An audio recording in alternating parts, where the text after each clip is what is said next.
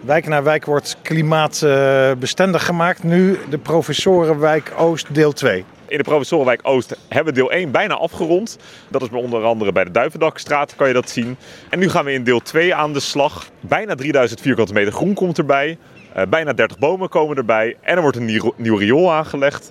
Um, wat helemaal leuk is, is dat de bewoners met wie we zoals altijd ook hier weer veel hebben gesproken, ook echt zelf hebben gekozen voor die stevige vergroening. En dan met name de Moddermanstraat, begreep ik hè? Die valt er met name op. Bij de Moddermanstraat hebben we twee ontwerpen gemaakt en hebben van tevoren gezegd, bewoners, waar jullie een meerderheid voor kiezen, dat ontwerp gaan we uitvoeren.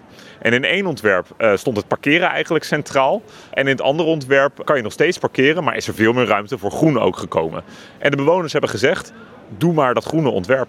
Minder auto's en meer groen. En dat vind ik eigenlijk wel een heel mooie beweging. Omdat we ook steeds meer bij bewoners zien dat ook zij de gevolgen van klimaatverandering voelen. En ook met name willen dat die opgelost uh, worden. Nou, in de Moddermanstraat heeft dus die meerderheid gekozen voor een zo groen mogelijke inrichting. En dat is wat we nu aan de raad voorstellen om ook te gaan doen. En is er dan ook wel gekeken door de gemeente bijvoorbeeld of dat dan allemaal nog wel past met de auto's van de bewoners? Zeker, want de parkeerdruk meten we altijd bij dit soort projecten. En die laat het ook uh, toe. De parkeerdruk zal wel iets stijgen van 62% naar 71%. Maar dat is nog steeds acceptabel, hè? want dan zit op het drukste moment zijn nog altijd drie van de tien parkeerplaatsen vrij. Dus ik denk dat hier een heel mooie balans is gevonden tussen parkeren en tussen groen. Wat is dan het grote verschil tussen die twee varianten? In de ene variant in de Moddermanstraat waren er gewoon veel meer parkeerplaatsen uh, beschikbaar. En nu zullen dat er minder zijn. En in plaats van uh, haaks parkeren zal er ook langs parkeren zijn.